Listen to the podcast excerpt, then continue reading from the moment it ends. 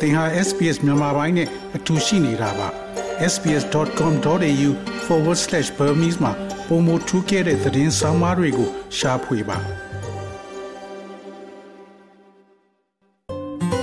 SBS မြန်မာပိုင်းကို အင်ကာနဲ့စနေနေ့ည10:00နာရီမှနားဆင်နိုင်တယ်လို့အွန်လိုင်းကနေလည်းအချိန်မီနားဆင်နိုင်ပါပြီ။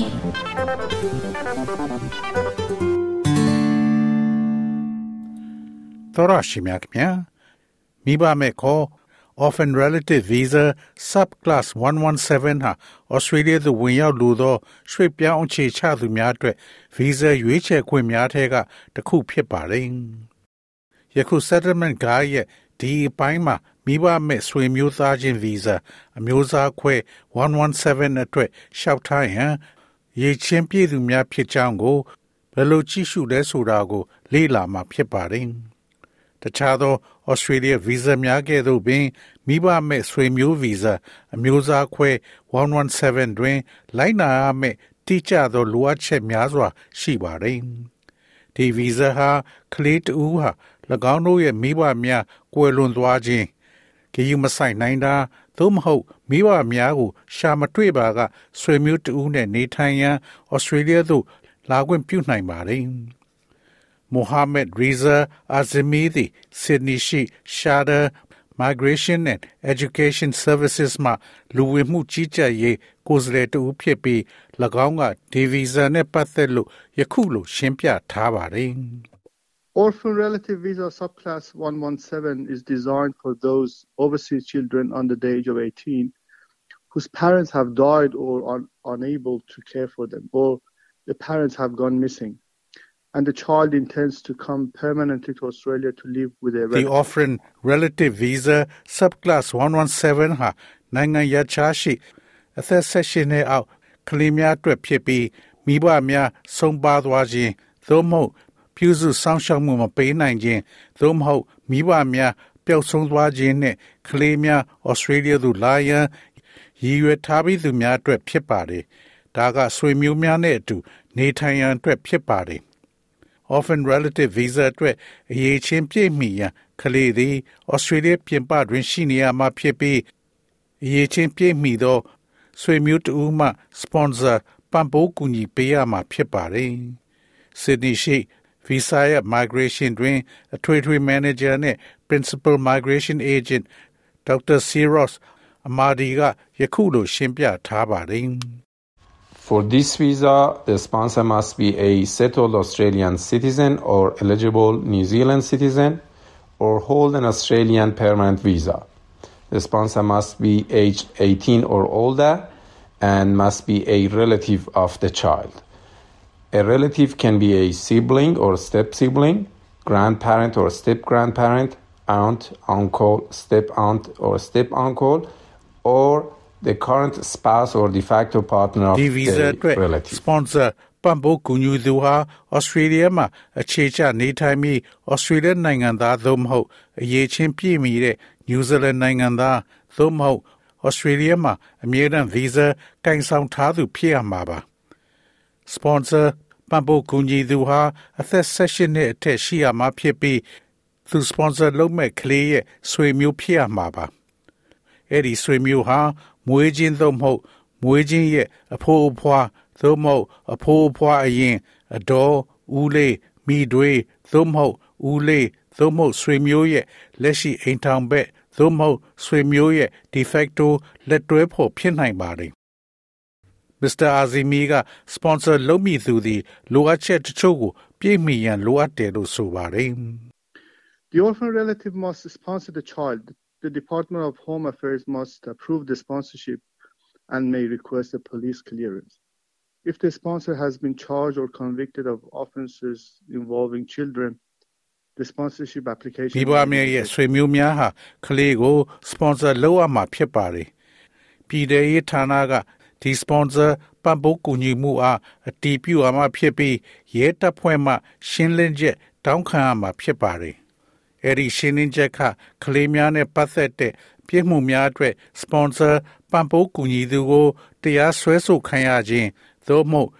ပြည်ဒဏ်ချမှတ်ခြင်းခံရပါကပံ့ပိုးကူညီမှုလျှောက်လွှာကိုပယ်ချနိုင်ပါတယ်ကလေးမိဘများဟာ၎င်းတို့ရဲ့ကလေးကိုအချိန်ကြာမြင့်စွာ ပြည့်စုံစောင့်ရှောက်နိုင်ခြင်းမရှိပါက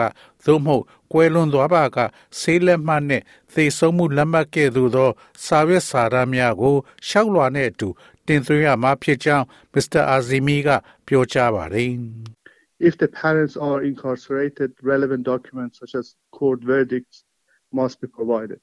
If the parents of child are missing, official documents indicating how long they have been missing or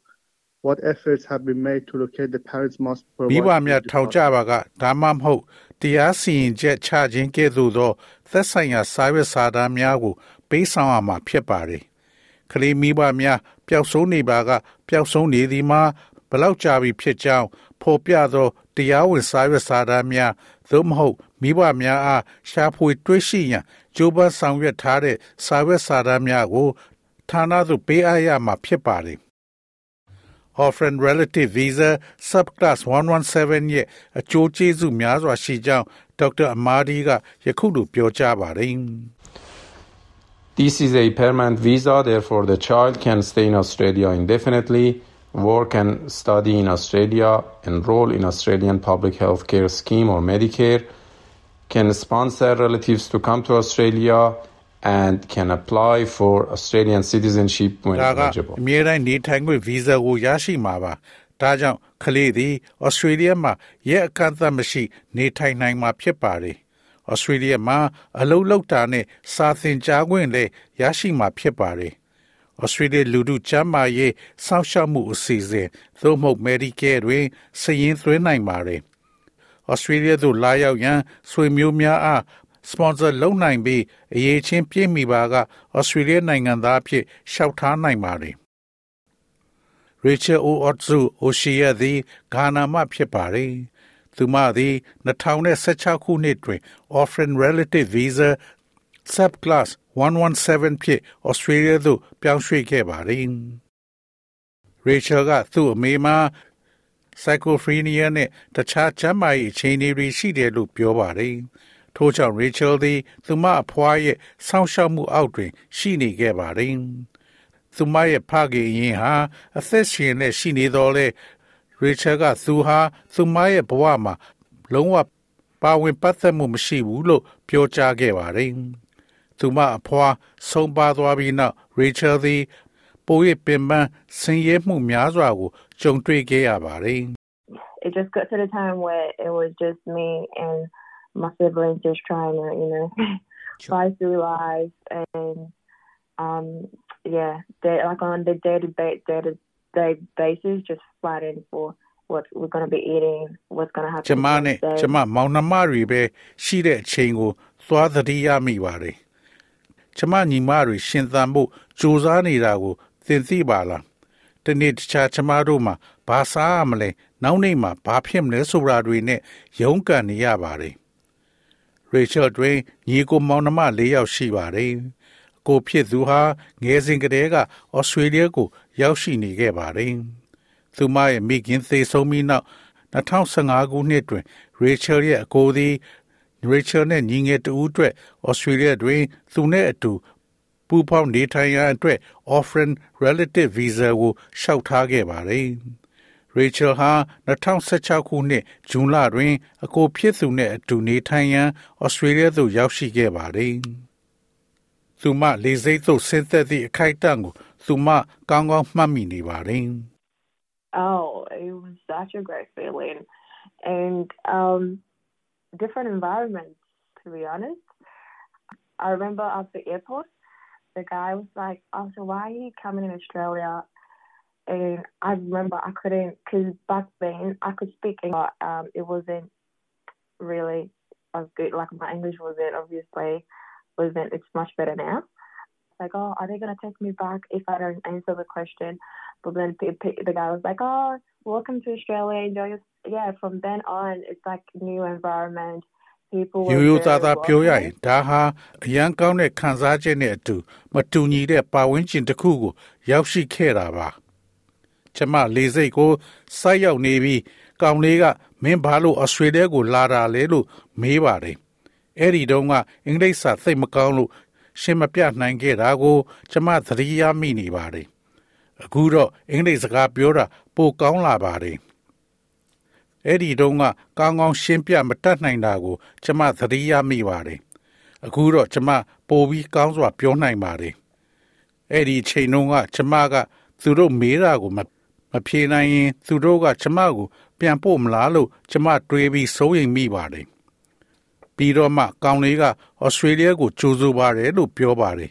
အဲ့ဒီအချိန်မှစလို့ကျမဟာအလွန်ကြိုးဆိုသောပါဝန်းကျင်အသစ်ကို ရောက်ရှိလာတဲ့ဆိုတာကို သိရှိလာပါတယ်။ Rachel သည် မကြသေးမီကသူမရဲ့ ဩစတြေးလျနိုင်ငံသားဖြစ်ခွင့်ကိုရရှိထားပြီးယခုအခါအချိန်ပြည့်ကြောင်းတက်နေပြီးအလုပ်လဲလုပ်နေပါတယ်။သောရရှိမြခင်ဗျာ Australian Visa နဲ့ပတ်သက်သော အချက်အလက်များအတွက်ပြည်ထောင်စုဝန်ကြီးဌာန www.homeaffairs.gov.au တွင်သွားရောက်ကြည့်ရှုနိုင်ပါတယ်။ SBS သတင်းဌာနကဆောင်းပါးကိုဘာသာပြန်တင်ဆက်ပေးထားတာဖြစ်ပါတယ်ခင်ဗျာ sbs.com.au/bemis ကို home နေရာမှာထားပြီးတော့အမြဲတမ်းနှာစင်နိုင်ပါတယ်။နောက်ဆုံးရသတင်းတွေ၊ဆောင်းပါးတွေနဲ့စစ်တမ်းတွေမှာပါဝင်ပြီးတော့ဆက်သွယ်မှုလုပ်နိုင်ပါတယ်။ sbs.com.au/bemis ဖြစ်ပါတယ်ရှင်။